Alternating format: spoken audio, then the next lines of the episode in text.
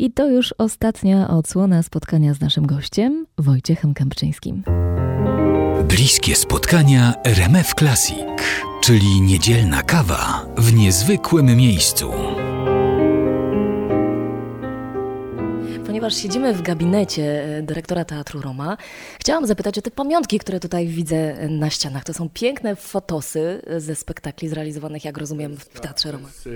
Zdjęcie z upiora w operze. Baletnica. Tak, to jest z drugiej strony i Les Miserables. A tutaj nad A tutaj głową. Koty, no, mój ukochany musical, który też chcę wznowić i też usiłuję wznowić, bo, bo naprawdę odniósł wielki Grupowa scena. sukces, tak. Intrygująca tablica. Co to za rozpiska? Panie, panowie, tancerze, swing. Za chwilę zostaną na tych karteczkach umieszczone nazwiska.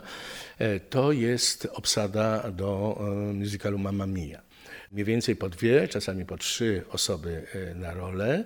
Jest zespół, w którym też są role, tancerze, nieduża ilość osób i swingi. Polega to na tym, że w momencie, kiedy osoba grająca główną rolę, na przykład e, Donna, przed spektaklem traci głos, to się zdarza, albo ulega, e, nie wiem, skręci nogę, nie może chodzić.